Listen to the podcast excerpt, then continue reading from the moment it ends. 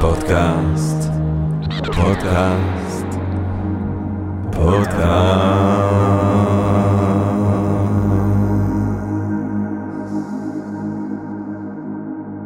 טוב, גבירותיי ורבותיי, ברוכות וברוכים הבאים לפודקאסט של Think and Read Different פודקאסט למי שאוהב לחשוב ולשתות. אני ג'רמי פוגל ואנחנו רוצים להתחיל עם רגע של הודעה לעצם היש, לעצם המציאות הזאת שמאפשרת לנו למרות הכל ובהינתן כל אלה להיפגש כאן למען החוות הדעת, העמקת הידע, סיפוק אולי גירוי, הסקחנות, אולי רעיון נשגב, מעורר השראה, ככה פתאום, סתם ככה, בעברית, כולנו ביחד, כיף גדול, ואנחנו כמובן גם רוצים להודות לסקרינס, יש בינג' אחר, אנחנו מצטלמים בסקרינס, אתם יכולים לבוא, לראות את כל הפודקאסטים שלנו בחינם, ואז להירשם לשאר ההרצאות והתכנים. Think and Read Different, הרצאות, רטריטים, בואו תראו אותנו, תשמעו אותנו, תפגשו אותנו, כיף גדול.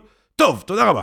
גבירותיי ורבותיי, אה, אנחנו היום רוצים אה, לדבר בעצם על אה, חגי ישראל, על מועדי ישראל, ובדיוק השבוע אני מדבר עם חבר, והוא, ואני שאלתי אותו, אה, לחבר, על העניין הזה של עופרה, של פסטיבל המוזיקה, של הכינוס הגדול, שהוא מאוד פופולרי, ופופולרי זו מילה קצת חלשה, אני מרגיש, שהוא סוג של חובה בקהילה הלהט"בית, והוא אומר, יש בעצם ארבע הרגלים של עופרה. יש את המסיבה שהיא עושה בראש השנה, בחנוכה, בפורים, וזה כל שנה ככה. ראש השנה, חנוכה, פורים וב gay pride. הרגלים של עופרה. ואנשים יודעים שבארבע מפגשים האלה כולם מתכנסים וכל הקהילה באה וגם באים אנשים מחו"ל ויש אנשים שבאים כל שנה והם יודעים שככה זה יהיה ארבעה רגלים של עופרה ואני חשבתי עד כמה שהדבר הזה הוא יהודי, עד כמה שהוא ישראלי, עד כמה שהטרנספורמציה של מסורת עתיקה אל תוך מסורת חדשה הוא דבר שהוא מרגש לראות לנגד עינינו ומי יודע שבעוד אלפיים שנה עדיין יכול להיות שיהיו את ארבעת הרגלים של עופרה כן, יהיו את ראש השנה, חנוכה, פורים ו gay pride, וזה יראה טבעי לגמרי שארבעת הדברים האלה הם באים ביחד.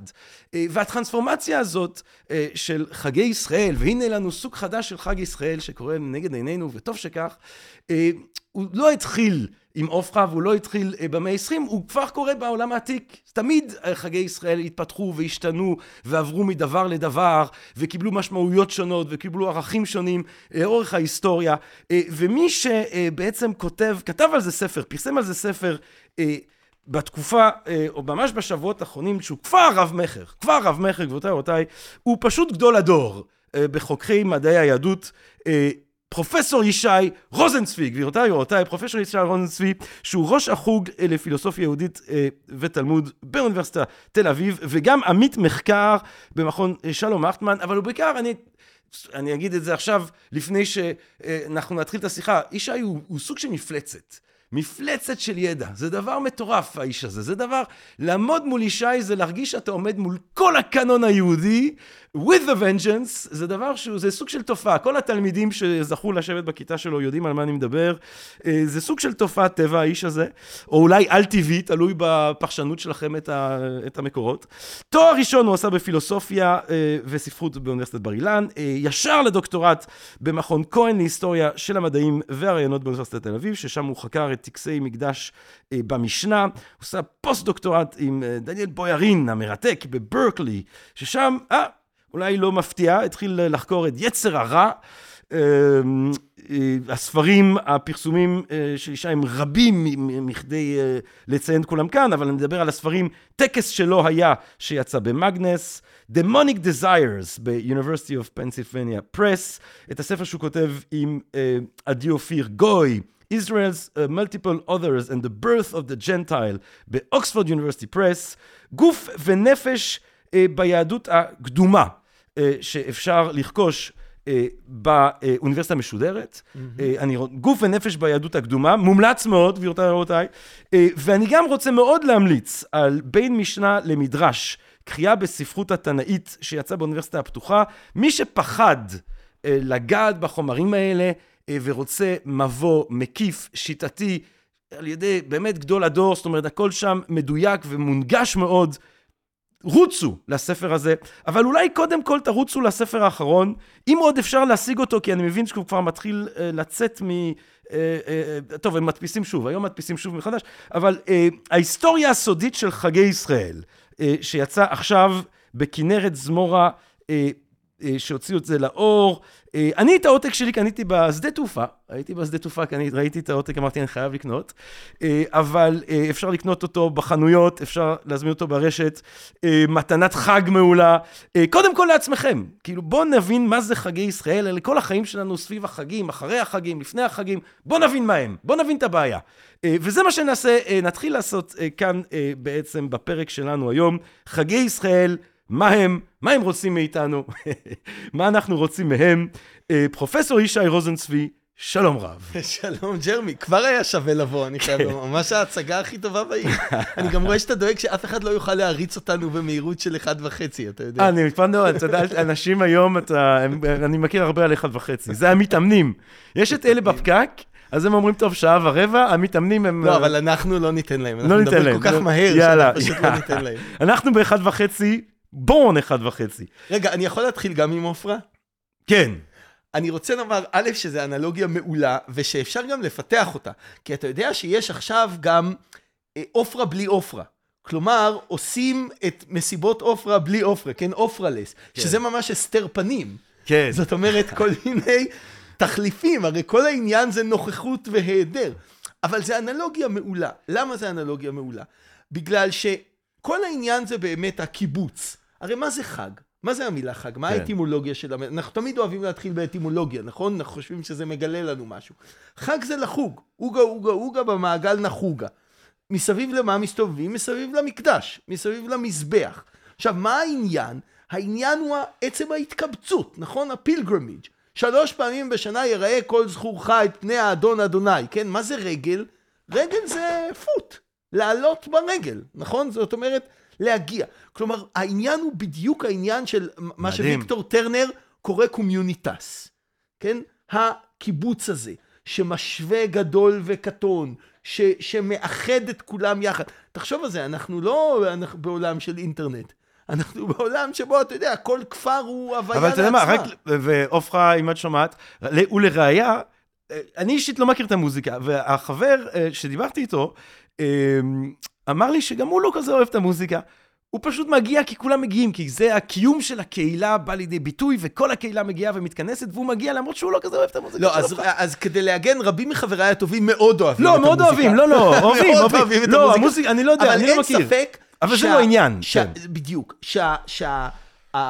שה communitas הזה, כן? הוא, הוא, הוא העניין, והוא באמת העניין כבר, כן, באמת מקדמת דנא. אנחנו לא מכירים חברה שאין בה ריטואלים כאלה, כן, מסוג זה או אחר, כן, של המועדים הקבועים שבהם מתכנסים ובהם מבצעים, כן, את הפעולות הריטואליות האלה. זה תמיד קשור לקהילה, זה תמיד קשור לאלים. ו- ואנחנו כנראה זקוקים לזה. מי בקהילה? מי מתכנס? איך... אם אנחנו חוזרים בעצם לתקופה האחראית שממנה החגים האלה מתחילים להפציע, מי מתכנס למה? זאת אומרת, כי אתה אומר קהילה, זה גם דרך ליצור קהילה, אני כן, מניח. נכון. מי הקהילה זו שאלה מצוינת, מכיוון שלמשל, בוא נשאל רגע עכשיו שאלה היסטורית. נעבור כאילו מהתיאוריה. מי עלה לרגל, כן? מה אנחנו יודעים? אז פילון, כן? המאה הראשונה לספירה, יוספוס, כן? קצת אחריו. מספרים לנו על המונים רבים שעולים מכל התפוצות. אבל זה כנראה סיפור מיתי. יהודי אה, רומא עלו, יהודי אלכסנדריה עלו, מי עלה? אז זאת אומרת, כנראה שהייתה סלקציה, והיה סוג של, כן, דיווטיז כאלה, שהם אלה ש... אבל אין ספק שהמטרה היא באמת לייצר מרכז. בשביל חלק מהאנשים המרכז הזה היה מרכז ממשי, חאג', אלה שבאמת עלו, ובשביל חלק זה היה מרכז סימבולי, איזה סוג של משאת נפש, או אפילו ידעו שיש דבר כזה. כן? זה מה שנקרא מעורבות מסדר שני. אתה יודע, יודעים שיש דבר, אני לא הייתי שם, אבל מספרים לי. וזה מספיק, זה מספיק כדי לייצר מה שנקרא קהילה מדומיינת. אני מזכיר לך שבאותו הזמן כל יהודי אמור לשלם מס למקדש, מחצית השקל. כן. וגם זה חלק מאותה יצירה של הקהילה המדומיינת של יהודים באסיה הקטנה ובאלכסנדריה ובבבל וברומא וכן, ובקיסריה. וכולם כאילו יש להם את התודעה הזאת. אני רוצה להיות, לשאול אותך לגבי החצי שלק, שקל ולגבי הביקורים. יש משפט שאני מאוד אוהב לחשוב עליו כשאני חושב על תנ"ך, שניטשה אומר שהבסיס... אה, להרבה מהדברים שהופכים לסמליים, אה, הוא הרבה פעמים גס הרבה יותר ממה שאנחנו אפילו מעיזים לדמיין. אה, החצי שקל למקדש, הביקורים שבעצם אתה מביא להם את מיטב כן. התשואה שלך. האם כל הדברים האלה, עד כמה אנחנו, עד כמה אנחנו צריכים להיות גם ציניים? עד כמה יש פה אליטה כהנית שפשוט רוצה שיביאו לה את מה שאפשר להביא לה? אין ספק שהיסוד הזה קיים, וכשאנחנו עוסקים במקדש, אנחנו עוסקים באליטה כהנית, וצריך לזכור את זה, וזה נורא חשוב בעיקר כשעוסקים בחגים, כי אנחנו אוהבים לחשוב על החגים כעל משהו טמפורלי. זאת אומרת, נכון, זה מעגל השנה, וזה מאוד מפורסם, השל שמדבר על זה שמה זה שבת, כן? מקדש בזמן. אבל צריך לזכור שהחגים עוסקים כאן גם במקום ולא רק בזמן. והם עוסקים בפולחן, והם עוסקים בקורבנות, והם עוסקים, כמו שאתה אומר, בכסף ובתשלום ובביקורים. ולא יראו פניי ריקם. אתה יודע מה יפה באלוהים של המקרא? שהוא מאוד forthcoming. הוא אומר את הדברים מפורש. ככה מתחיל עשרת הדיברות, נכון? הוא אומר, לא יהיה לך אלוהים אחרים על פניי, כי אנוכי אדוני אלוהיך אל קנה. אלים אחרים מסתדרים עם, עם ריבוי, עם אלים אחרים, לא, אני קנאי, אין מה לעשות. אני קנאי, אני, אני משוגע. אתה צריך לדעת שאני לא מסתדר עם אלים אחרים. אותו דבר כאן, הוא אומר, לא יראו פניי ריקם. זאת אומרת, אתה בא למקדש לראות אותי? תביא משהו. תביא משהו. מה, באת בידיים ריקות? עכשיו, אני מזכיר לך גם, שבאמת לא צריך להיות ציני בשביל זה, מכיוון שאם אנחנו הולכים לארכיאולוגיה של החגים, אנחנו רואים שהם באמת תמיד קשורים באיזושהי מתת, מתת של החקלאים, כן? אנחנו עכשיו באזור פסח, כן? מה זה פסח? יש לנו את חג המצות, זאת אומרת, ה, כן, ה, ה, החקלאים שמביאים את, ה, כן, את ביקורי החיטה שלהם, ויש לנו את חג הפסח, זאת אומרת הרועים שמביאים את ביקורי ה, כן, ה, הטלאים שלהם, ו, ומזה אפשר להתחיל לספר את הסיפור.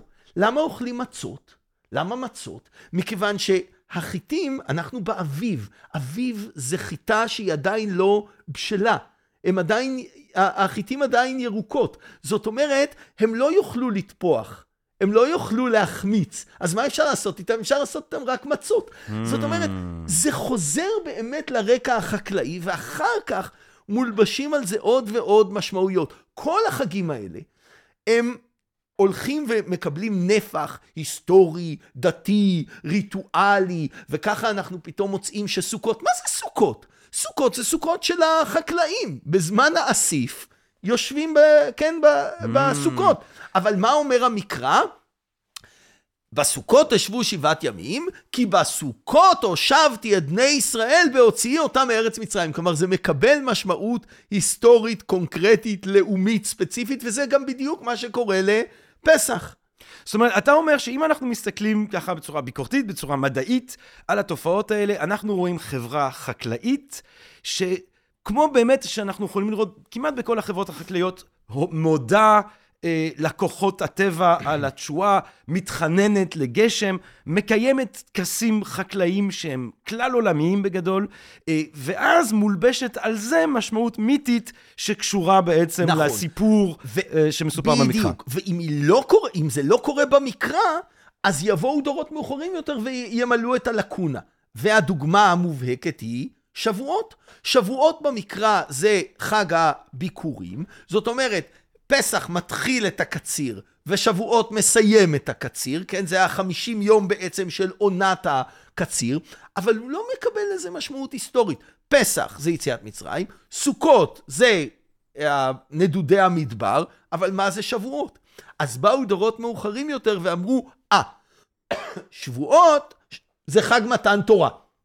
למה? כי אנחנו יודעים שהתורה ניתנה בחודש השלישי, כלומר, כן, סיוון, והנה זה מתאים לנו בדיוק, אז הלבישו את המשמעות הזאת, אז אין, אין ואקום, אתה מבין? אין ואקום. זאת אומרת, ברגע שמלבישים את... זה סופח משמעויות. אז אתה היית אומר שבשלבים של עריכת המקחה, נגיד בתקופה הפרסית, נגיד בית שני, זה שלבים שבהם מלבישים על טקסים קיימים, ארכאיים, את המשמעויות החדשות האלה? אבל זה קורה כל הזמן. זה לא קורה באיזה רגע מסוים, זה לא שעזרא המציא את הפטנט הזה.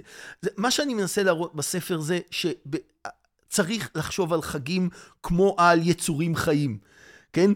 זזים כל הזמן, סופחים כל הזמן, ממש, כמו, אתה יודע, שאנחנו מסתכלים על מיקרוסקופ, כן? כל הזמן התנועה הזאת, והספיחה, וההיפרדות, וה... והזה, זה קורה כל הזמן. אז אם התחלתי עם שבועות, רק בשביל ככה לסבר את האוזן, אז יש לנו את חג הביקורים, ואז את חג מתן תורה, שאם תרצה אנחנו נספר איך זה קרה, זה גם כן חתיכת סיפור, כן? ואז יש לנו פתאום... ב, ב, ב, כן, במאה ה-17, פתאום יש לנו סיפור חדש, סיפור של תיקון ליל שבועות, כן? Mm. מה זה תיקון? תיקון זה לא to fix, לתקן את... לתקן זה אה, לקשט. את מי מתקנים? מתקנים את עצמנו לקראת, או מתקנים את השכינה, מקשטים את השכינה לקראת הנישואין, כן? לקראת הטקס הכלולות, מתן תורה, כן? אז יש לנו תיקון ליל שבועות. ואז כשאנחנו מגיעים לציונות, יש לנו עוד פעם ביקורים. אבל הפעם הביקורים הם לא למקדש, הם ביקורים לאומה, נכון?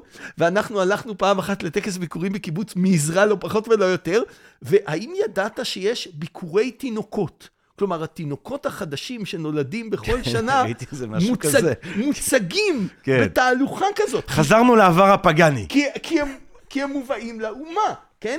אבל חכה, זה לא הגלגול האחרון, כי עכשיו בא תיקונים חילוניים, כן, נכון? כן, תיקוני כן. ליל... זה בינתיים הגלגול האחרון, אבל אני מבטיח לך שתוך כמה שנים יהיה... אתה יודע, יהיה עוד סיבוב, בדיוק כמו שעופרה יהפוך להיות, אתה יודע, מסורת, ואז יהיו הלכות, ומה אפשר, ומי שלא ישתתף, ב, אתה יודע, בזה, האם הוא יכול להשתתף בזה, והאם יש, אתה יודע, יש לזה תשלומים או אין לזה תשלומים.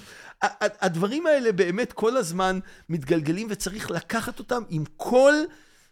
אתה יודע, עם, עם כל החיות שלהם ועם כל הדינמיות שלהם. מרתק. עכשיו, בספר אנחנו לא, אנחנו, תראה, אנחנו רוצים להשאיר סיבה לאנשים לרכוש את הספר המרתק שלך. בהחלט אמ, רוצים. אבל אנחנו כן נעסוק, אני, אז חשבנו שנדבר על שלושת הרגלים. כן. אה, מה הם שלושת הרגלים? מה אתה יכול לספר לנו על המהלך, ההיס... על, על, על מה שהארכיאולוגיה וההיסטוריה אה, המדעית אה, נותנת לנו לחשוב, ואז בואו נראה אותם חיים, נושמים, מתפתחים, כן. משתנים. אז התורה אומרת שלוש פעמים בשנה, או שלוש רגלים בשנה, זה אותו הדבר, פעם ורגל זה אותו הדבר, זה הצעדים, אמרתי, זה הכל עניין של העלייה לרגל, של ה pilgrimage, שלוש רגלים, שלוש פעמים בשנה, יראה כל זכורך את פני האדון, אדוני. כן? זאת אומרת, לבוא, לראות. וכאן יש משהו בעניין הזה של הראייה, יש משהו נורא חשוב. בגלל שתחשוב על זה, החקלאי הזה שנמצא, אינני יודע איפה, כן? כן? בצפון או בדרום, ומספרים לו שיש אדוני כזה, ויש לו מקדש, והוא מרשים, והוא... אבל מה, איזה סוג אינטראקציה יש לו איתו? אז הוא בא לראות, כלומר, הוא בא למקום עצמו, כן? כדי לראות, זה קצת כמו... מה שוולטר בנימין מדבר על המוזיאון, כן, נכון? כן. אתה, כן, את ההילה, כן? כן. אתה בא בעצם, ו, וכמובן כל התהליך הזה יוצר את ה... וזה כמובן מחלק את השנה למקצב, נכון? אז יש לך פסח ושבועות וסוכות, וזה הכל קשור כמובן ל... אה, אה, לעונות חקלאיות, זה המקצב של השנה, ולכן אגב אין רגלים בחורף, כי כל, כלום לא קורה בחורף. אתה מבין? כן. זאת אומרת, יש לנו את הרגלים של האביב, תחילת האביב וסוף האביב, זה פסח ושבועות, ויש לנו את הרגל של תחילת החורף, ובאמצע, תחשוב על זה, הכל מוקפא, hmm. כן?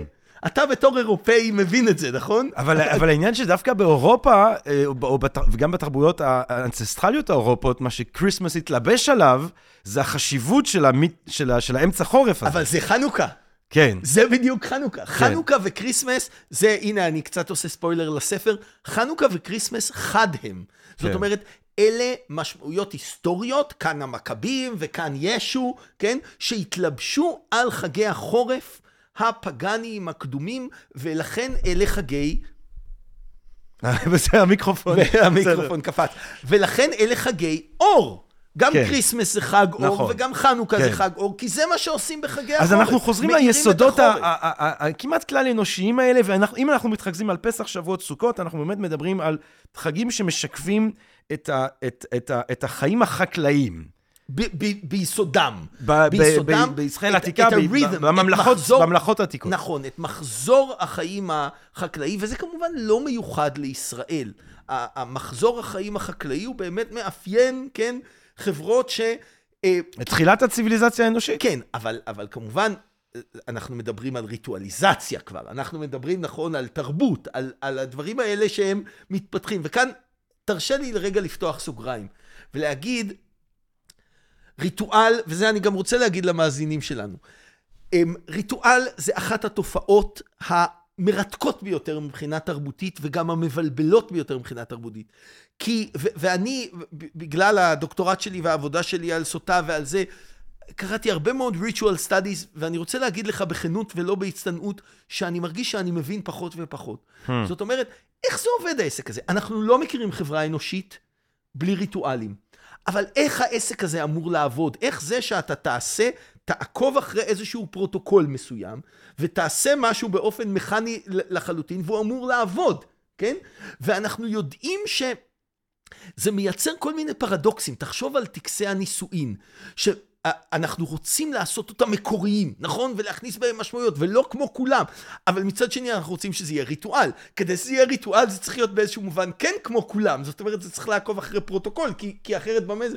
אז אנחנו יושבים על הפרדוקס הזה, יש ספר נורא יפה שנקרא Ritual and Sincerity, שעוסק בדיוק בפרדוקס הזה בין לעקוב אחרי פרוטוקול, לבין זה שזה ישקף אבל איזושהי אמת פנימית ומיוחדת ואינדיבידואלית, כן, וחד פעמית כזאת. ולכן יש כל כך הרבה תיאוריות של ריטואל. יש את התיאוריות הסימבוליסטיות שאומרות, לא, אבל כל הדברים האלה הם בעצם רק תמיד דימויים למשהו אחר. תחפש את המשמעות מאחורי זה, כן? זאת אומרת, אם אני יודע מה, במקדש מה שעומד מאחורי הקורבן זה בעצם ההקרבה העצמית, כן? זה, כן. זה, אלה תמיד... ויש את ה... כיוונים המנוגדים, שאומרים, מה פתאום? יש מאמר נורא יפה שנקרא The Meaninglessness of Ritual. אין שום משמעות לריטואל, חוץ מאשר לעקוב אחרי הפרוטוקול. או שאפשר באמת לחזור לניטשה ולחשוב על המשמעות, uh, שאותי מאוד משכנעת, הגסה יותר. זאת אומרת שזה מתחיל ממקום שבו אתה, יש כוח טבע שהוא רצחני, ואתה מספק אותו, וזה ממש הפשט כן. גם של הסיפור של, ה, אה, של המכה העשירית במצרים. אתה מספק את הכוח אל, הרצחני אלה, הזה בדם. אז, אז ניטשה באמת הוא במובן הזה מאוד מאוד, אתה יודע, אטימולוג. זאת אומרת, הוא אוהב, כי הוא באמת אטימולוג, אתה יודע, הוא פילולוג, אין מה נכון. לעשות. הוא אוהב לחזור באמת אל השורשים, מאין זה בא. הבעיה היא שהמאין זה בא, זה לא כל כך מסביר. את, ה, את השרידות של הטקסים האלה. וכאן באים הסוציולוגים כמו דורקהיים וזה, ואומרים, לא, זה דבק חברתי, נכון? זה כל חברה חייבת, זה ה pilgrimage הזה, זה ה communitas הזה. אז אני לא יודע, אני, אני, אני, אני לא יודע לספר את הסיפור הזה באופן, אבל זה ברור לי שחברות זקוקות לדברים האלה, ושה... ו, וש, ולכן אני מאמין בחגים. כלומר, אני מאמין בהם כ... כנשא של משמעויות. Mm. יש בהם משהו שאתה יודע, זה באמת, ולכן אני גם רוצה, אני רוצה לומר לך משהו ככה קצת וידואי. הספר הזה, יש בו גם איזה פן באמת של מלחמה. כלומר, אני אומר, החגים הם כאן, הם, הם, הם, הם נשאי משמעויות, ושווה להילחם על המשמעויות האלה. ושווה לשאול, אוקיי, איך, איך אנחנו, החגים מחנכים אותנו.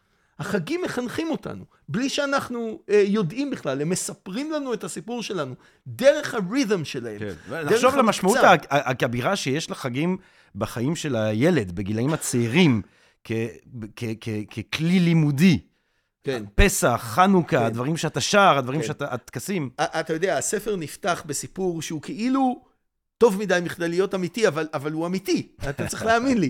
ש, שהבת שלי חזרה הביתה באחד מה... מה כן, מה, אני לא זוכר באיזה כיתה, אבל אחת הכיתות הנמוכות, אה, ו, ו, ולמדה בדיוק על אה, שבועות, ושאלה אותי, אבא, מי רצה להרוג את היהודים בשבועות? עכשיו, לקח לי רגע להבין את הסיפור, אבל זה ברור שאחרי, אתה יודע, אחרי אנטיוכוס של, של אה, אה, פורים, ואחשוורוש, אה, של חנוכה, ואחשוורוש של פורים, ופרעה של פסח, ואז יום הזיכרון, ואז יום השואה, היא מגיעה לאיזה מין חג מוזר כזה, שאוכלים בו מאכלי חלב ומתלבשים לבן, אבל שאין שום סיפור. עכשיו, זה סיפור מזעזע, הוא כאילו מצחיק, אבל הוא מזעזע. זאת אומרת, המעגל השנה, אה, אה, אני, הילדים שלי למדו בחינוך ממלכתי דתי, והמעגל השנה שלהם היה מעגל השנה של איך שרודפים אותנו, איך שבכל דור ודור עומדים עלינו לכלותנו. וזו עוצמה אדירה. כן. כי זה המקצב של החיים, זה המקצב כן. של השנה. ו- ולכן שווה להיאבק על זה. זה מכונן את, ה, את התודעה האנושית כמו שבא לידי ביטוי בתרבות שלנו. מה-. לגמרי. ולכן אני אומר, שווה להיאבק על זה, ומה שאני מנסה לעשות בספר זה להראות אה, את ה- שזה הרבה הרבה יותר עשיר מזה. טוב, אז בוא נתקוף ישר בווריד הצוואר, פסח. אנחנו, אני לא יודע בדיוק מתי זה יוצא, זה יצא תוך כדי פסח, לפני, אנחנו יומיים לפני הסדר. בוא נתקוף ישר בווריד הצוואר, בוא תפרק לנו את פסח. או לא יודע אם לפרק, זו מילה קצת זה, אבל... אז פסח, שוב, צריך לספר אותו בדינמיות שלו. אז אמרנו, זה מתחיל כחג חקלאי, זה הכל מתחיל כחג חקלאי. ואז זה סופח את המשמעות ההיסטורית של יציאת מצרים. והמשמעות ההיסטורית הזאת היא כמובן פרופוגנדה. מה זאת אומרת פרופוגנדה? לא במובן שלילי חלילה, אלא דרך להשגיר איזשהו סיפור, כן? יש לנו סיפור, סיפור יציאת מצרים, הוא מיתוס, וכשאני אומר מיתוס עכשיו לא מעניין אותי שאלת האמת. אני משתמש במיתוס בלי שום כ... אלא הוא סיפור בעל תפקיד, כן, חברתי, תרבותי. מכונן. סיפור מכונן, בדיוק. על איזושהי ראשית, שבאמת יש לו איזה תפקיד של, אה, כן, ל- ל- לייצר ולשמר קהילה. עכשיו, סיפור כזה לא יכול להתקיים בלי אירוע שיחזיק אותו. בעניין הזה אני מאוד מאמין בתיאוריה שנקראת מיתוס וריטואל, כן? שכל בעצם מיתוס זקוק לריטואל, ש- שיישא אותו, שיחזיק אותו, כן? ומאחורי ריטואלים עומדים אה, מיתוסים. בסדר? והדברים האלה בעצם הם הולכים יחד, הם לא, הם לא יכולים להתקיים בנפרד. ו- ולכן, כן, סיפור יציאת מצרים צריך חג, ואז הוא מתלבש על, כן, על חג הפסח, על חג האביב, אוקיי? ו- ו- וחג האביב הופך להיות בעצם היום של, כן, היום שבו הסיפור מסופר. אבל צריך לזכור שכשאנחנו נמצאים בימי הבית, אז מה שעושים בפסח זה את הפסח, כלומר את הקורבן. נכון. והאירוע הוא אירוע של סעודת קורבן. נכון. בסדר? וזה נכון לגבי כל התיאורים שיש לנו מבית שני, וכמובן גם לליל הסדר המפורסם בהיסטוריה. והציור המפורסם בהיסטוריה גם. כן, אבל... אבל אנחנו מדברים על הארוחה האחרונה של אנחנו ישוע. מדברים על הסעודה האחרונה, נכון. שבו אה, אה, ישו יושב עם התלמידים שלו, כלומר המשפחה החדשה שלו, כי הוא הרי עוזב את המשפחה שלו, נכון? ויש לו משפחה חדשה, ומה הם עושים? הם אוכלים את קורבן הפסח, הם שותים יין, והם מדברים. אבל האם זה אומר שאנחנו יכולים לדעת שהטקס שהוא המרכזי בתודעה המודרנית, אה, אה, הסדר פסח, הארוחה הטקסית הזאת כבר קיימת במאה הראשונה לספירה? או, אז מה, אז בוא נדייק אבל מה יש ומה אין. מה שיש זה באמת, כמו שאתה אומר, סעודה טקסית, זבח של משפחה, כן? אה, חבורה שמתכנסת ואוכלת, שותה ומהללת. כולם מדברים על ההלל, כן? אה, ספר היובלים ופילון ויוספוס והברית החדשה, כולם מספרים את הסיפור הזה. מה אין לנו? אין לנו סיפור יציאת מצרים. Hmm. מניין הגיע סיפור יציאת מצרים? אז כאן אנחנו מגיעים ליהלום שבכתר מבחינתי, כי אני תלמודיסט, וזה באמת חז"ל. כלומר, אותם חבר'ה שישבו בהתחלה ביהודה ואחר כך בגליל, אחרי החורבן, והם עומדים בפני באמת איזה שבר ש, שאין כמותו.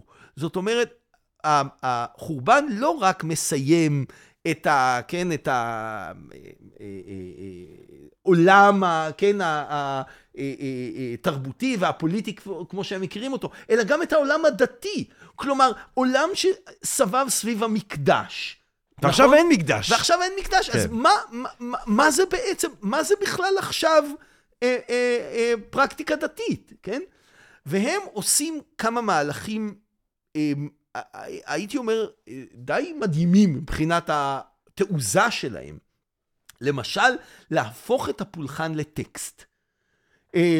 הם, אומרים, אנחנו לא ננסה לעשות כל מיני כאלה, אתה יודע, להפריט את הפולחן, היו כל מיני ניסיונות. להגיד, אפשר גם בלי מקדש להקריב, אפשר להמשיך לאכול את הפסח, את קורבן הפסח, אפשר להמשיך לעשות אותו גם בלי... כל מיני כאלה, אתה יודע, חצי או בערך או זה, הם אמרו, לא. אנחנו נלמד הלכות קודשים, ובזה אנחנו בעצם נבצע מין פולחן טקסטואלי, שזה דבר כן. זה מדהים. מרהיב, כן. כן?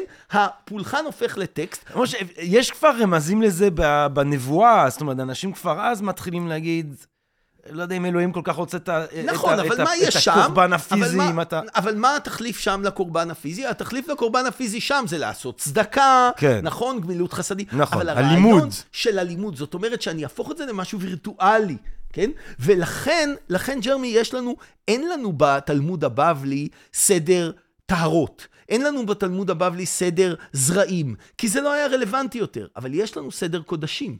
למה? כי הם אמרו, אנחנו במשחק של הפולחן, אבל הפולחן בשבילנו טקסט. אבל ישי, אני רוצה שנייה לחזור אחורה, כי יש משהו חסר לי. כשאנחנו רואים את אה, ישוע עם המשפחה החדשה שלו, uh, uh, אוכל, uh, זאת אומרת, האם זה כבר לא הפחתה של טקס שלפי ההיגיון שדיברנו עליו קודם, אמור להיות כללי, ציבורי, לא, כי כבר קהילתי? בספר שמות, בשמות פרק י"ב, כבר פסח הוא זבח משפחה. למשפחותיכם. בסדר? אבל איך אתה מגיע, פיזית, אם המשפחה שלי חי באיזה כפר קטן כלשהו, ואני, כן. מ- ואני מגיע, אני עושה את החאג', אני מגיע למקדש, איך אני יושב עם המשפחה שלי? אז אתה צודק. אז באמת, כבר בתורה יש לנו שני סוגי פסח. יש לנו את הפסח של שמות, שהוא באמת כל אחד בבית שלו, ויש לנו את הפסח של ספר דברים, שבו כולם עולים למקדש. אז יש לנו את... עכשיו, אז חלק באמת עלו למקדש, והרבה לא עלו למקדש, אלא עשו להם זבח מקומי. והם באמת גם רצו להמשיך אחרי החורבן, ולהגיד, אנחנו יכולים להמשיך את הזבח המקומי הזה. וחז"ל שללו את זה. הם אומרים, יש כאלה, המשנה אומרת במסכת ביצה, יש כאלה שאוכלים גדיים מקולסים, כלומר, כן, הם ממשיכים לעשות מנגל, ממשיכים לעשות פסח, כן, אחרי החורבן, וחכמים שוללים את זה. למה? כי הם רוצים למכור את הסיפור החדש שלהם, שבמקום הריטואל בא הלימוד. וכאן אנחנו מגיעים באמת למהפכה, ותסלח לי ככה על, ה, על ההתלהבות, אבל... סולח. אבל זה באמת, אין, אין דברים כאלה. כשהם אמרו, אנחנו עכשיו, הלילה הזה יהפוך להיות מלילה של פולחן ללילה של לימוד. זה, זה באמת תהליך מרהיב, כן? ומה עושים בליל הסדר? מדברים. מספרים ביציאת מצרים, אוקיי? זה מה שעושים. זה התחיל ממשהו מאוד חופשי, המשנה אומרת, לפי דעתו של בן אביו מלמדו, זאת אומרת, וזה הלך כמו הרבה דברים והתקבע עד שזה נוצרה הגדה, כן, עם המדרש הקבוע. אבל זה מה שיש כאן. הפולחן הופך להיות בעצם טקסט. ולכן, אם תרשה לי לרגע אחד להיות פוליטי, Mm, מותר? בטח שמותר. אוקיי.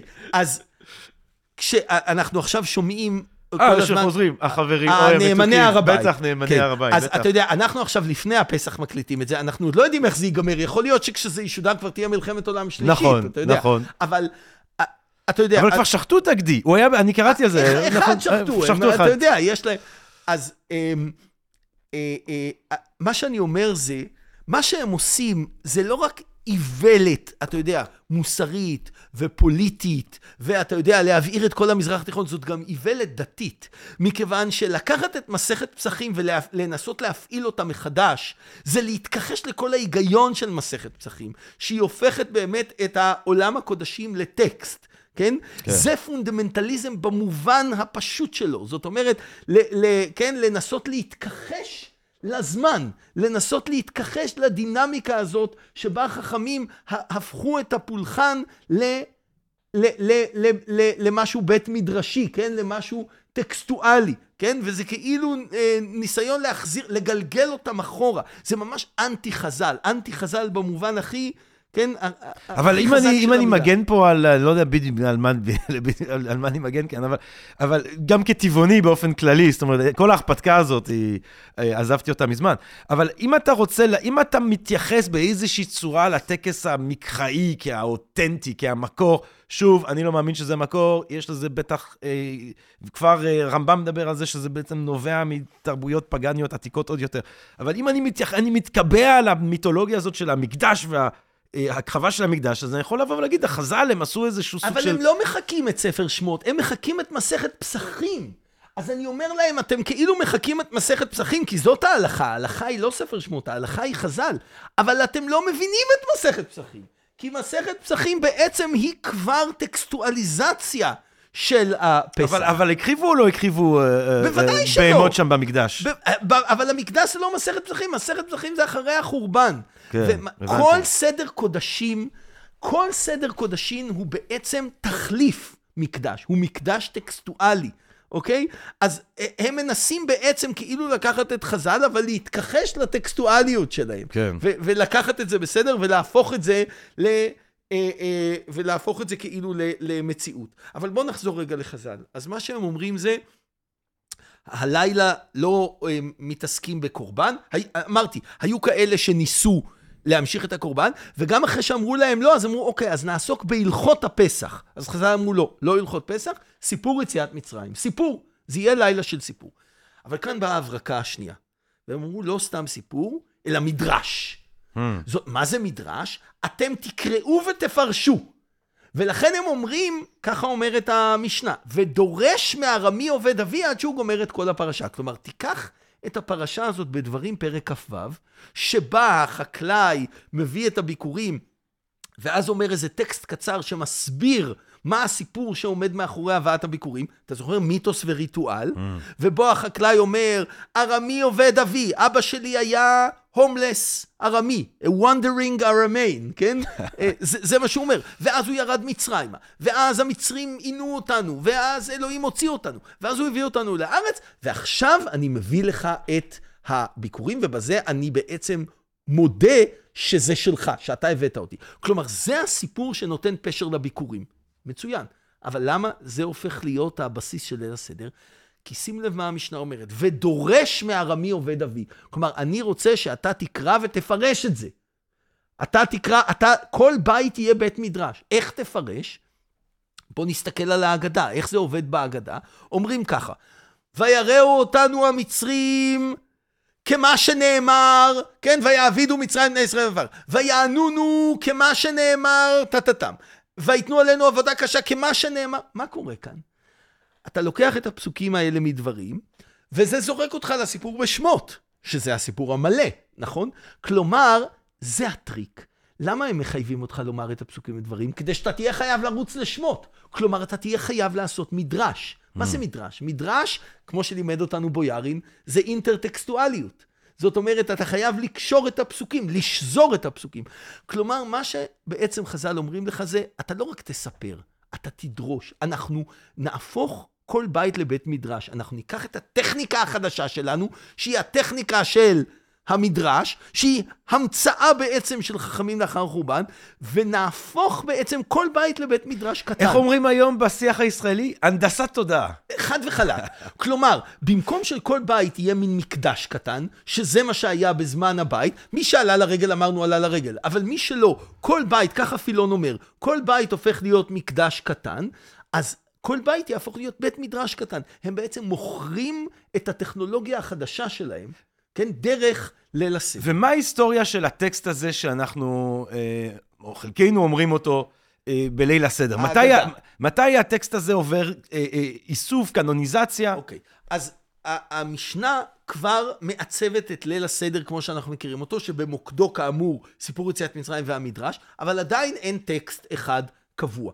ואז, כמו שקורה הרבה פעמים, עם הזמן זה הולך ומתקבע. זה נכון גם לגבי התפילות. אצל חז"ל אין נוסחי תפילה. יש כל מיני קווים כלליים כאלה, כל מיני הדרכות.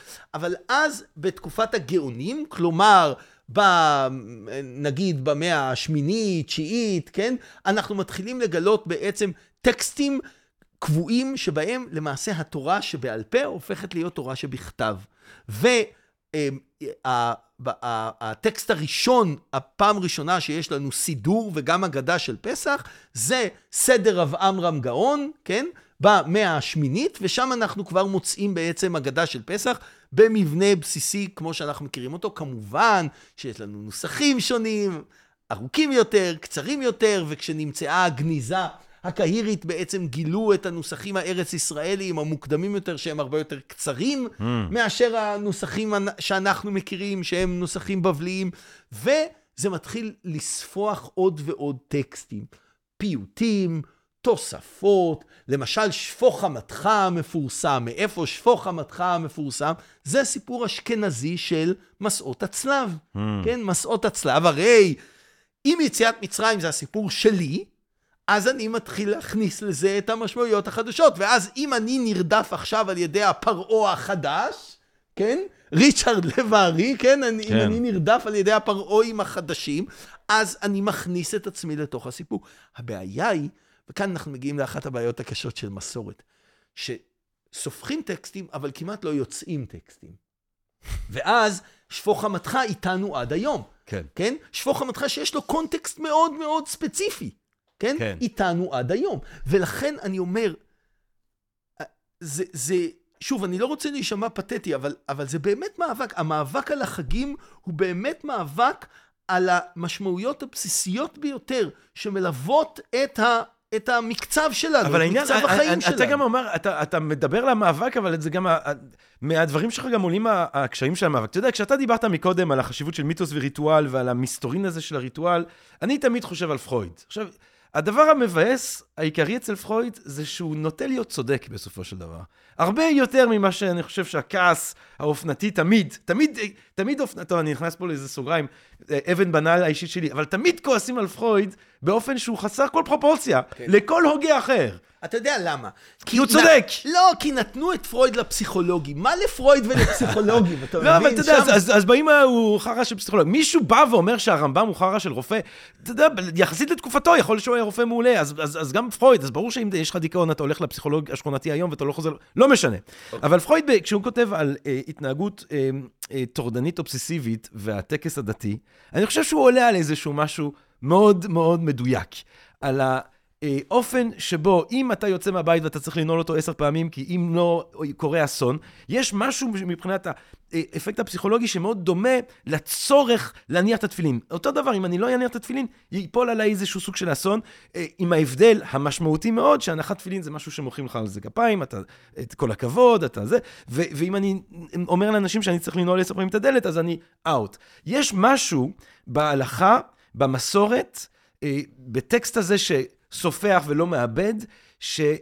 אה, קשה לשנות אותו, כי לא משנה אם אנחנו מקבלים את הפרשנות של פרויד או לא, הוא הופך להיות כמעט אובססיבי טורדני, אוקיי. ואנחנו לא יכולים באמת לשנות אותו. כן. תראה את כל הניסיונות לשנות, לנסח מחדש, אל מול הדבר הזה שבסוף עובר דורות של דורות של קנוניזציה, אה, הדברים האלה לא באמת מצליחים. א- א- אז, אז אוקיי, אז אני רוצה לענות לך בשני מישורים. אחד זה באמת על השינוי, והשני זה על פרויד.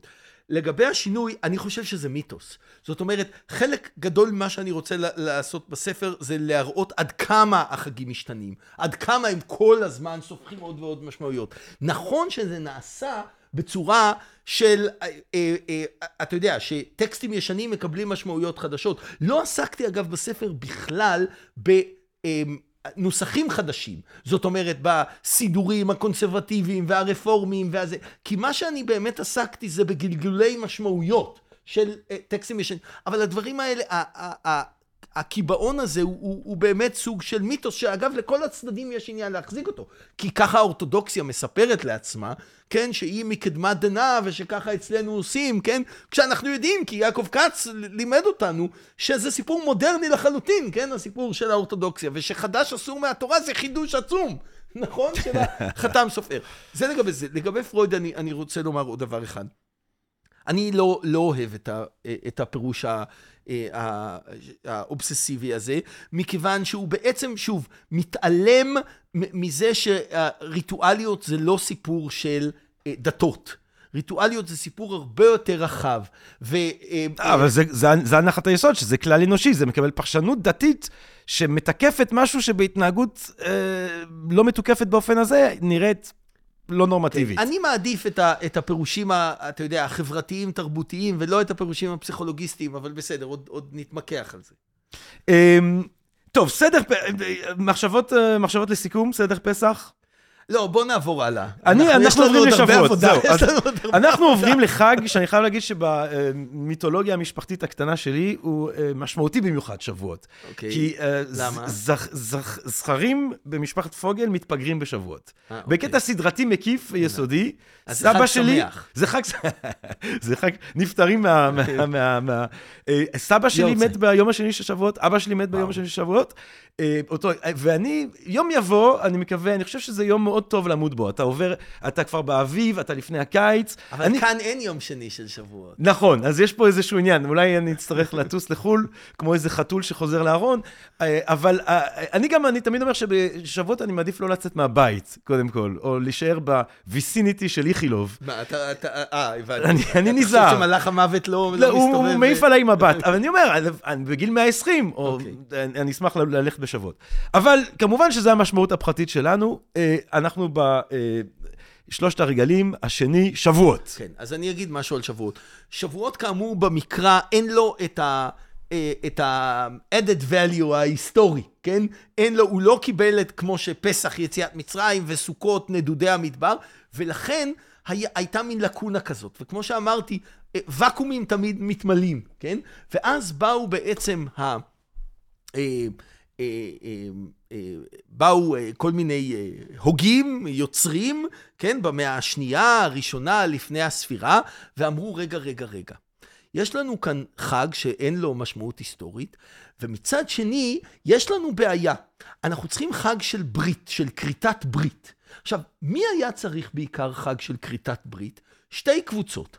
האחת זה הכיתות הפורשות, כמו כת ים המלח, קומראן, שהייתה צריכה ברית שלהם, נכון? את, ה, את הטקס המעבר בברית שלהם, של ההתחייבות לכת. וכמובן, הנוצרים הראשונים, הברית החדשה.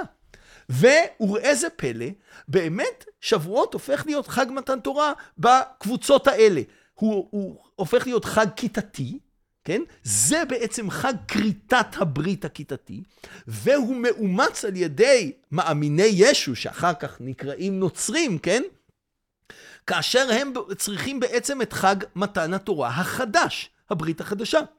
ואיך נפתח החיבור מעשה השליחים? החיבור מעשה השליחים נפתח בזה שהשליחים בשבועות, כן?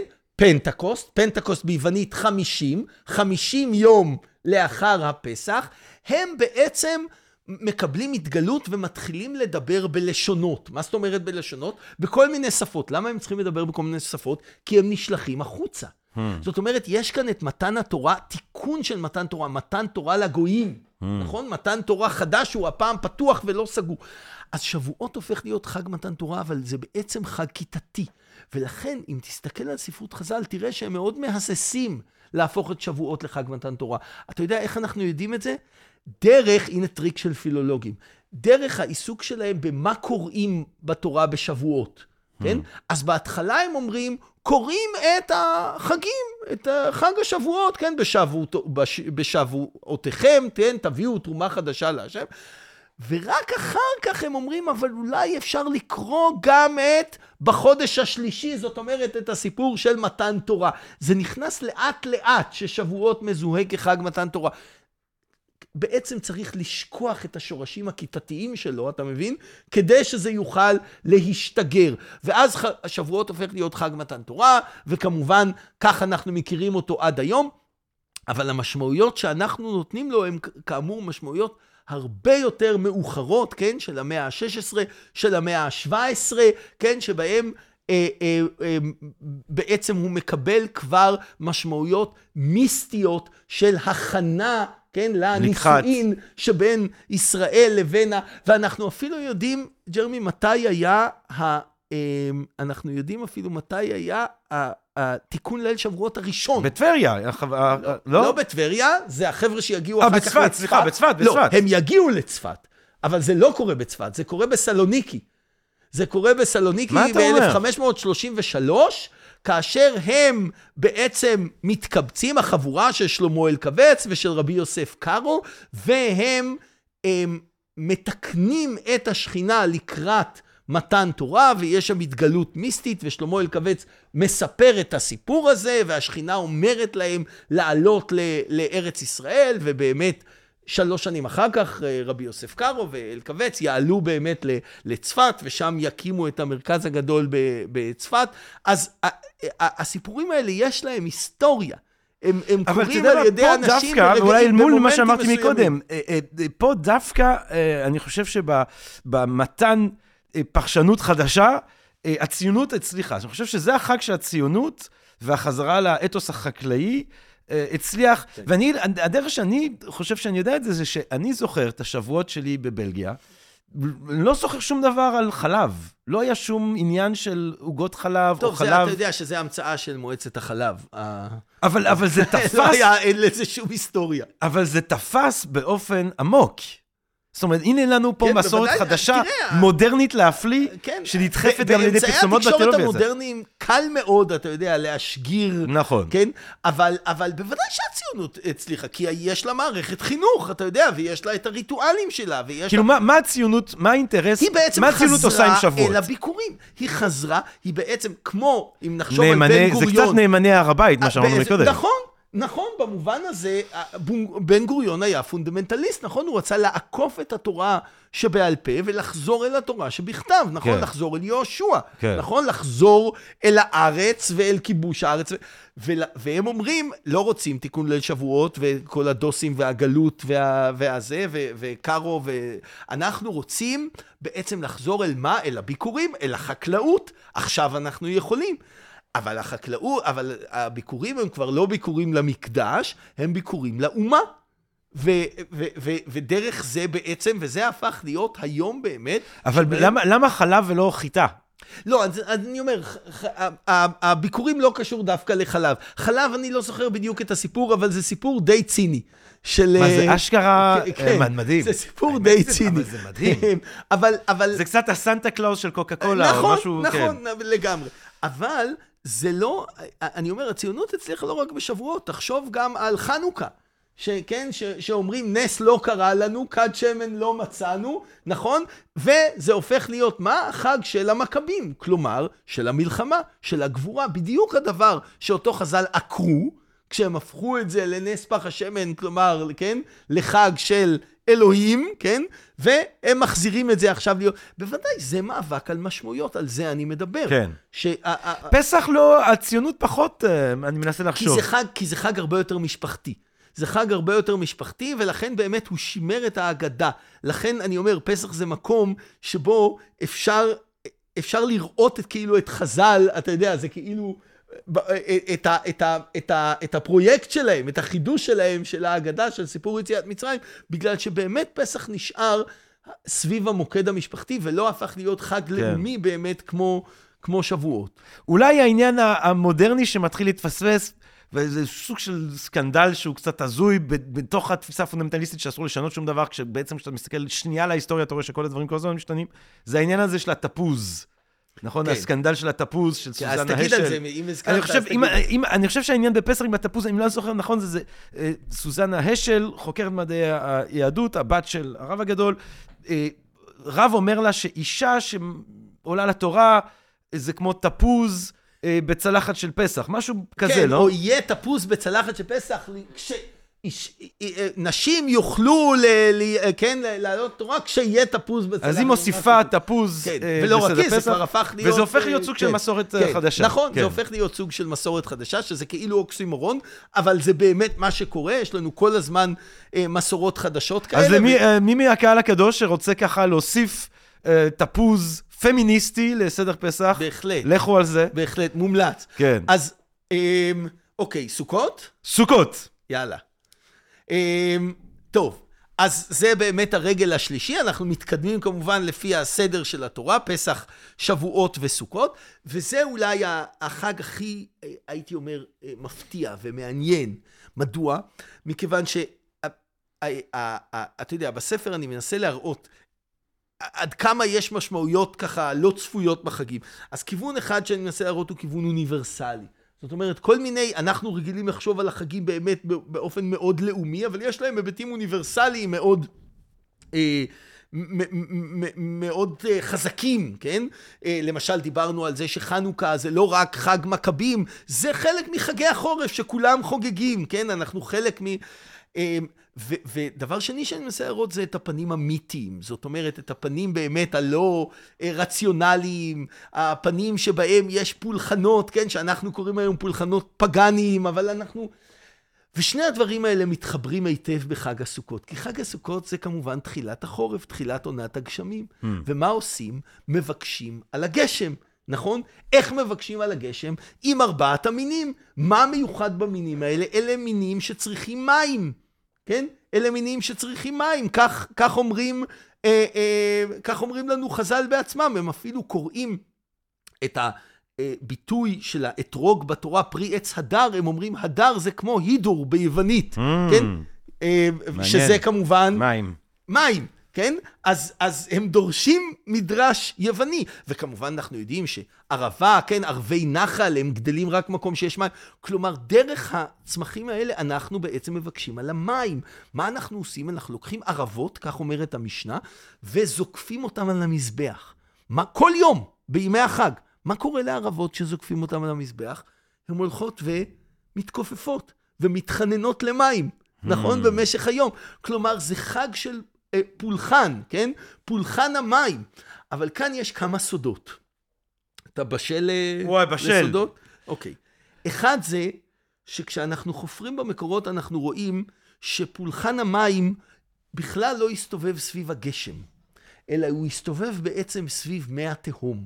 זה היה מאמץ, התפיסה שלהם הרי הייתה שיש מים למעלה ויש מים למטה. תחשוב על בראשית פרק א', על סיפור כן, הבריאה. כן. אלוהים כיסה את המים התחתונים, נכון, על ידי הארץ, וכיסה את המים העליונים על ידי הרקיע. כן. אז הפולחן האמיתי בחג הסוכות הוא לא פולחן שנועד להוריד גשם, אלא להעלות את מי התהום, שיציפו את האדמה. ומה יקרה כשנעלה את מי התהום, אתה יודע? יהיה לנו נילוס, יהיה לנו נילוס בארץ ישראל. וכשיהיה לנו נילוס בארץ ישראל, כבר לא נהיה תלויים בגשם. ואם לא נהיה תלויים בגשם, אז לא נהיה, וכאן מגיע הסוד, לא נהיה תלויים בקדוש ברוך הוא. כי הוא כבר לא יוכל לומר לנו, והיה אם שמוע תשמעו אל מצוותיי, ונתתי גשמכם בעיתם, ואם לא תשמעו ועצרתי את השמיים. כי יהיה לנו נילוס. אז כל שנה אנחנו עושים עבודה כדי להעלות את הנילוס. איך? וכאן מגיע הפולחן הכי סודי בחג הסוכות, וזה ניסוך המים.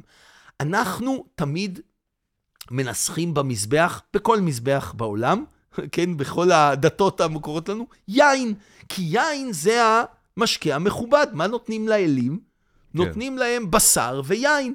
אבל בסוכות אנחנו מנסחים מים. רק בסוכות. למה? כדי להזין את מי התהום שבסוף יעלו ויציפו את הכל. זה פולחן המים של חג הסוכות. מדהים. כן?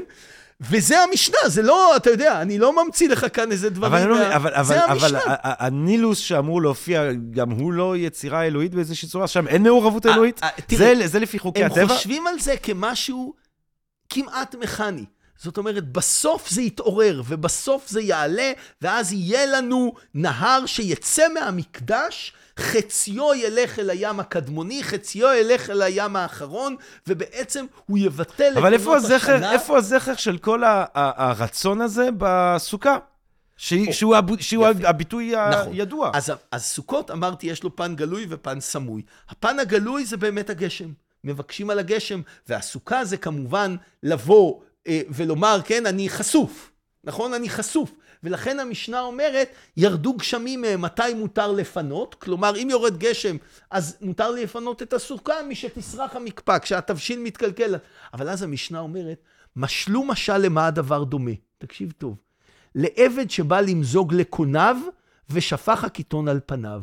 העבד בא למזוג כוס לאדון שלו. מה זה למזוג? למזוג בלשון המשנה זה לערבב.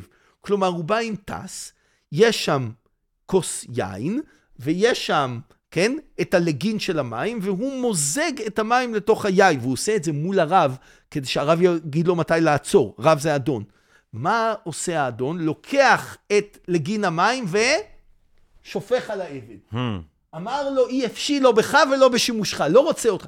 כלומר, הם אומרים, מה זה אומר שיורד גשם בחג הסוכות?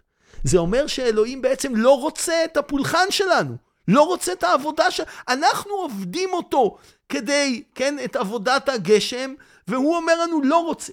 כלומר, חג הסוכות הוא חג עם התיאולוגיה הכי חשופה.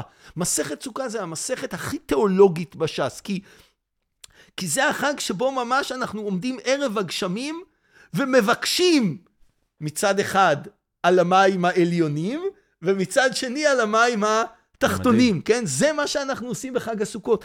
ולכן גם הדבר הזה שהוא באמת חסר תקדים של ארבעת המינים, לבוא לקחת צמחים ולרוץ איתם לבית כנסת, כן? מי שמע דבר כזה, כן?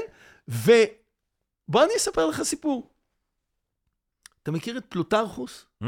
פלוטרכוס, זה מהחברים שלך. חברינו, בטח. נכון, הפילוסוף הרומי הגדול. כן, כן. Um, לא יודע, בתור פילוסוף, אפשר להתווכח בתור פילוסוף כמה הוא גדול, כן. אבל הוא יוצר מאוד uh, מקורי ו- ומעניין וחשוב, והוא, uh, גם יש לו נטיות אתנוגרפיות כאלה. הוא, הוא מספר הרבה סיפורים, ובין השאר הוא מספר על היהודים שמסתובבים להם עם המינים, כן, במקדש, כי הוא מדבר על תקופת המקדש, והוא אומר, אמרו לי שזה בדיוק כמו הפולחן די- דיוניסוס, בדיוק כמו הבקחינליה. Hmm. מה עושים בבקחינליה? משתוללים עם צמחים, נכון? עם, אה, עם עלים. אז הוא אומר, זה... עכשיו, אני מאמין לו. זאת אומרת, אני בטוח שזה היה הרבה יותר פרוע ממה שאנחנו חושבים, כן? אלה היו חגיגות. כי תחשוב, מה זה לבקש על גשם? מה זה, זה, זה אתה יודע, זה פראי העסק הזה, נכון? כן. זה טבע. אז הם מסתובבים עם המינים האלה ומשתוללים. עכשיו, אני בספר מנסה לשחזר את זה דרך רמזים, כי הרי המשנה לא מסגירה לנו את כל זה, אבל היא נותנת לנו רמזים. למשל, היא אומרת שמנענעים את ארבעת המינים. מה זה מנענעים? תלך היום בבית כנסת, תראה, עושים ככה. אבל אז המשנה אומרת ככה, שכל העם היו מטרפים את לולביהם, והחכמים רק נענעו באנה השם הושיע נא ובאנה השם הצליחה נא. מה זה מטרפים את לולביהם? אגב, אם אתה תפתח עכשיו את הדפוסים של המשנה, לא תמצא את זה. זה נמצא רק בכתבי היד של המשנה. בדפוסים כבר כתוב, כל העם היו מנענעים את לולביהם. מה אתה זה אומר? הכל צנזורה אחרי אה, זה צנזורה, אתה יודע. באמת, כן. אבל בכתבי היד, לכן חשוב לבוא ללמוד בחוג לתלמוד, נכון? בכתבי היד כתוב שכל העם, שכל העם היו מטרפים. מה זה מטרפים? מה זה מטרפים? טירוף, טירוף. טירוף, בטירוף הם היו זה ממש עושים. דיוניסי, זה נכון. הטירוף הדיוניסי, כן. אז אתה רואה שהמשנה רק רומזת לזה. והיא אומרת, אבל חכמים לא אוהבים את זה. טוב, אבל אם הזמנת את היוונים, אז אנחנו חייבים שנייה לחזור לפסח. יאללה. אה, כי אם יש דבר אחד שפונ... ואני חושב שראוי שנעצבן קצת אה, פונדמנטליסטים. זו מצווה מאוד גדולה. מצווה. לעצבן פונדמנטליסטים איפה שרק אפשר. דבר אחד שבאופן כללי מאוד מעצבן פונדמנטליסטים, זה המחשבה שהמסורת היהודית, כמו שהם מקיימים אותה, נגועה במגע חיצוני לה. האשליה של הפונדמנטליזם זה שאיכשהו יש את האילן יוחסין ששמר על טהרה יהודית, אה, אה, סוג של אינססט כזה ששמר על דם יהודי אה, טהור, גם בשמו שבא לידי תרבותית, שלא היה שום שיג ושיח, ושוב, כל מבט היסטורי מבהיר באופן מובהק, שתמיד כל עם מושפע מסביבתו ונותן ומקבל וכולי. אה, עד כמה המסורת היוונית העילאית הזאת, היפהפייה הזאת של המשתה, של הסימפוזיון, אה, שהביטוי האקדמי שלו הוא חיוור מאוד. מה זה חיוור? לקחו את כל הכיף? לא, הוציאו את מה- ה... מה זה סימפוזיון? ביוונית, סימפוטיין זה לשתות ביחד. נכון. הוצאנו את השתייה, הוצאנו את היחד, והשארנו נכון. רק את הדיבורים המשעממים. נכון, נכון. ואפילו אין את סוקרטס שיבוא אה, לנחם כן. אותנו באירוניה שלו. אז אה, עד כמה אה, אתה רואה, אה, נגיד בסדר פסח, כמו שדיברנו על סוכות, אנחנו אומרים את הבחנליה, עד כמה אתה רואה את הסימפוזיום, כן. את המשתה בסדר פסח? אז תראה, אה, יפה אמרת, כן, וזה באמת דילגנו על זה אה, קודם, כשחכמים מעצבים מחדש בעצם את ליל הסדר לאחר החורבן, אין להם יותר סעודת זבח, אבל הם רוצים לייצר סעודה חגיגית, כן, חדשה, אז הם לוקחים את מה? את הסעודה החגיגית שהם מכירים מסביבתם, כלומר את הסימפוזיום, את המשתה. לכן המשנה פותחת ואומרת, אפילו אני שבישראל לא יאכל עד שיסב. מה זה להסב? אנחנו היום עושים כזה קרחץ על הכיסאות. להסב זה להסב על מיטות, כן? כן. מאיפה הם למדו את זה? מי מסב? כן? כן. הם למדו את זה מהיוונים, מהטרי... תראו את הציורים מהיוונים. מה- כן. מהטרקלין, מה זה טרקלין? tri, clinium, שלוש מיטות.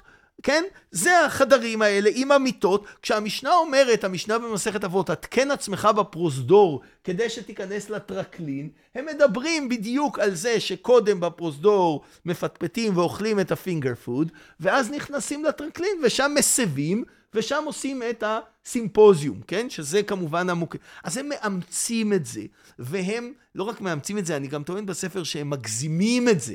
כן? ואז הם אומרים, לא יפחתו לו מארבע כוסות של יין. אין הוראה כזאת בסימפוזיום. זה כשהם רוצים, אתה יודע, to overdo it, כן? להגיד, אם רומים אז עד הסוף, כן? כן. אני אומר רומים כי הרי... העולם ההלניסטי בתקופה שלהם, כן, הם מכירים אותו ברומא, בעיקר כן. דרך רומא, ויש גלגול רומי לא, אתה לסימפוזיום. יודע, בוא נגיד בינינו, ממה שאנחנו כן יודעים על הסימפוזיום הרומי, אני לא חושב שארבע כוסות יין היה מבהיל אותם. כן, זה נכון, זה נכון, אבל בוודאי שזה לא חובה. כן. זאת אומרת, כאן, אתה יודע, כן. ובמשתאות היותר כן, אתה יודע, מהוגנים, אתה יודע, פלוטנקוס, לא חובה, אבל אתה יודע, רשות אה, מאוד רווחת. אפילו- בסימפוזיון של אפלטון, הם- אומרים בהתחלה לא נשתה, ובסוף כולם משתכרים. אבל, אבל, אבל המשנה אומרת, לא יפחתו לו מארבע כוסות כן. של יין. כן. זאת אומרת, זה, זה הופך להיות חובה. אבל מה עוד עושים במשתה של אפלטון? מדברים, נכון? על מה מדברים? על ארוס. נכון. נכון, בוודאי, מדברים על ארוס. כן? ואז אריסטופנס מספר לנו שארוס, זה, זהוס חילק אותם לשניים והם מתגעגעים להתחבר, וסוקרטס מספר דיוטימה, שדיוטימה וכן. אה, לימדה אותו שארוס זה בעצם הגעגוע ליופי הנשגב. ומה, על מה חז"ל מדברים? על יציאת מצרים. כמו שאמרנו, מדרש, כלומר, הם מזריקים לתוך הסימפוזיום. אתה, אתה מבין? אז במובן הזה, יש כאן, אתה, אתה מבין, חיקוי, אבל עם טוויסט.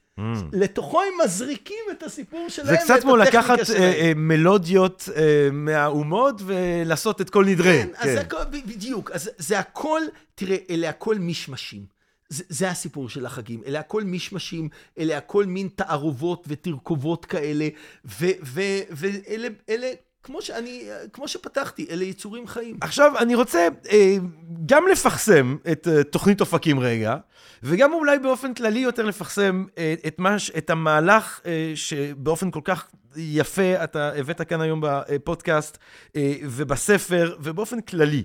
אה, אני מדבר על תוכנית אופקים. מי שרוצה עוד לשמוע, ללמוד, להתעמק אה, עם פרופסור ישי רוזנצבי וכל החבורה המדהימה שמחכה לכולכם בחוג לפילוסופיה יהודית ותלמוד, ואפילו אני מקשקש שם לפעמים.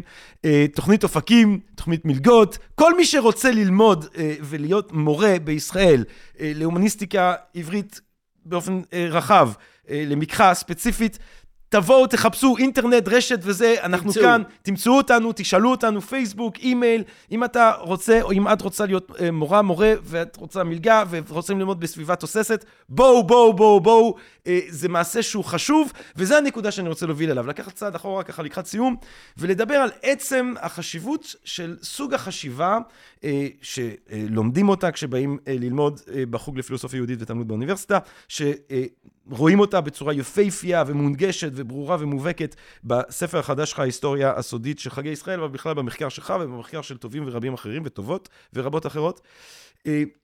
במיוחד לאור התקופה הזאת, כי אם אני אקח עוד איזושהי השאלה יוונית, אה, סופיזם. אנחנו בתקופה של סופיזם אה, מובהק, ואנחנו בעיקר בתקופה של עיוות מאוד מאוד כשאתה קשה. אומר סופיזם, אתה מתכוון במובן של פוסט אמת. של פוסט אמת, סופיזם דיגיטלי, ופוסט אמת, שזה סביבה מאוד נעימה לפונדמנטליזם אה, ולפלקטיות אה, שהוא מציג את היהדות. היהדות היא. יודע, הדבר הראשון שאני תמיד אוהב להגיד כשאני אה, בשיעורים לשנה ראשונה אה, בפילוסופיה יהודית, זה אני, אני לא רוצה לשמוע היהדות היא. אל תגיד לי היהדות היא, תגיד לי מי ומתי. אל תגיד לי, היהדות נגד זכויות להט"ביות. מי ומתי? ולרוב זה יהיה מישהו שאולי ייתן לעצמו את הזכות לדבר למען היהדות. כן. אבל אני רוצה שנייה שתדבר באופן רחב יותר על החשיבות של אה, ההבנה של המורכבויות האלה שאתה חושף אל מול השיח הפונדמנטליסטי שמצמצם את ההיסטוריה היהודית לגווניה, אה, לדורותיה, אה, למורכבותיה, לדברים מאוד מאוד ספציפיים שאולי נמצאים שם, אבל הם רק פן אחד. אז אני אגיד לך על זה משהו, וככה, ב- באמת בכנות. אין חובה להפוך מוצא לזהות. אתה לא חייב להתעסק ביהדות שלך. אתה לא חייב להפוך את זה לפרויקט שלך. אבל היהדות היא כאן. היא ממילא, כן, היא אופפת אותנו. ולכן אני תמיד אומר לסטודנטים, המטרה הבסיסית ביותר של הלימוד זה לא להיות פראיירים. שלא יוכלו לעבוד עליכם. שתדעו, הרי אנחנו נמצאים במדינה יהודית, כן? בין אם אנחנו רוצים ובין אם, אם, אם לאו. אז בואו נדע על מה מדובר. כי בורות היא לא כוח. ואם אנחנו לא יודעים על מה מדובר, אז אפשר כל הזמן לעבוד עלינו. וג'רמי, כל הזמן עובדים עלינו. כל הזמן מוכרים לנו, כמו שאתה אומר, שזאת היהדות, וככה תמיד עשו, ומה לעשות, זאת המסורת, כן? וככל שאנחנו לומדים, אנחנו רואים כמה העסק הזה הוא, כמה עובדים עלינו, כמה מבלפים אותנו, וכמה המסורת היא מורכבת ורב-רובדית. ומשתנה. ועשירה ומשתנה. ולכן, מה שאנחנו עושים באמת, ה- ה- הפרויקט הבסיסי שלי זה לראות את הדברים בדינמיות שלהם. בסדר? לראות את ה... אני בכלל חושב שזה תפקיד של היסטוריונים. כי פה אני חושב שיש את, ה, את הטרגדיה של סוג הלימוד הזה, שאתה אה, מציע אותו בצורה כל כך יפה, זה שבהרבה מובנים התשובה לתהליכים מוסקנים של פונדמנטליזם והדתה, הוא דווקא ללמוד יהדות. נכון. זאת אומרת, כי התגובה איפשהו במחנה, במיוחד במחנה החילוני, זה להגיד, טוב, די, די עם נכון, הזבל הזה, נכון, די. מיאוס. מיאוס מוחלט של... אותו. אבל שוב אני אומר, בורות היא לא כוח. בורות היא לא... אני רוצה, אני אגיד לך משהו עכשיו פחות אה, אה, פופולרי. אני רוצה שבבתי הספר הממלכתיים ילמדו הכל. ילמדו תלמוד וילמדו הלכה וילמדו סידור, כי השאלה היא לא מה לומדים, אלא איך לומדים. אני לא רוצה שילמדו את זה כמו יידישקייט. אני רוצה מורכב, שילמדו כן, את כן. זה כמו ארטיפקט תרבותי. למה? שוב, כדי שלא יוכלו לעבוד עלינו, כדי שלא יוכלו לספר לנו סיפורים, כדי שנבוא אה, מתוך עמדה של כוח ושל ידע. ובמובן הזה, הפרויקט הוא באמת פרויקט של להראות עד כמה הסיפור הזה הוא עשיר, עד כמה הוא מורכב. כן, אני תמיד אומר לסטודנטים, אם אתם תגידו לי על חז"ל, שהם לא מוסריים, והיחס שלהם לגוי, והיחס שלהם לנשים, והיחס שלהם ל... הכל נכון, אני לא מתווכח בכלל. אבל אם תגידו לי שזה משעמם, שם אני מתרתח. אתה מבין? זה כמו שם אני אפלטון, מתרתח. אפלטון, הביקורת היחידה שהוא לא סבל זה שאמרו לו שהוא משעמם. כן, אתה רואה? אמ, אז אתה אומר, אבל, אבל כי, כי אני חושב שזה נושא קריטי. זה נושא קריטי, כי זה, זה, זה השאלה הגדולה של המאבק הרעיוני סביב השאלה היהודית היום אה, בישראל. אני חושב ש, שזה השאלה הקריטית. זאת אומרת, עד כמה אתה יכול, לצורך העניין, אתה אומר, אוקיי, אם אנחנו נעסוק בצורה אחרת באותם החומרים, אנחנו בעצם נשתחרר ולא נשתעבד, כי דבר אחד שנבין זה שהבעיה היא לא עם זה שהיו... אה, אה, אה, אה, כל מיני אירועים נורא מרתקים בסוף תקופת הברזל, אני יודע מה. השאלה אם אני צריך להכפיף את עצמי לסמכות שניתנת לפרשנות האחריות היא מנוספת לדבר תמיד הזה. על מי שמצטט, על מי שמשכפל ועל השימוש שהוא עושה בזה. אה, כן? אה, צריך להזכיר, אתה יודע, יש את הספר המתועב הזה, תורת המלך, כן? ש... ש... עכשיו, אתה יודע, הוא לא ממציא, הם לא ממציאים טקסטים. הם לא ממציאים טקסטים, אבל הם עושים להם דה-קונטקסטואליזציה, והם, כן, אה, בוחרים אותם, מצטטים אותם ומשמישים אותם. והאחריות היא תמיד על, כן, על מי שלוקח ועושה את הסלקציה ובוחר את מה ואיך להפעיל. ובמובן הזה אני באמת חושב שהתפקיד שלנו, כמו תפקיד בכלל של מי שעוסק במדעי הרוח ובעיקר ב, בחומרים היסטוריים, זה לעשות דה-ראיפיקציה. כלומר, להראות שהדברים האלה, כן, אינם, הם, הם, הם לא כפויים עלינו, כן? הם היסטוריים, הם משתנים, הם ארטיפקטים תרבותיים, והאחריות היא תמיד עלינו. פרופסור ישי רוזנצבי, תודה רבה רבה לך. הספר האחרון, אה, ההיסטוריה הסודית של חגי ישראל, ואני שוב אני חוזר על הדבר הזה שאמרתי מקודם, כי אני, אני יודע, יש לנו קהל מאוד, אה, קודם כל קהל מאוד חכם, הקהל הקדוש של הפודקאסט הזה, קהל מאוד חכם וקהל מגוון, אבל יש פה גם אה, הרבה חילונים שמקשיבים לקהל הזה, שאני יכול מאוד להתחבר לתחושת המיוס אה, שעלולה לבוא בעקבות ההשתלטות של השיח הפונדמנטליסטי, הגזעני, המטומטם, ההזוי, אה, המצחיק, אם לא היה טרגי, שאנחנו חווים בימים אלה. אבל התשובה היא באמת לא בורות, כמו שאתה אומר לה. התשובה היא עיסוק מחודש בדברים האלה, היא לדרוש אה, שגם שם יהיה אה, תבונה והיגיון וחשיבה ביקורתית. ושלא ימכרו לכם לוקשים.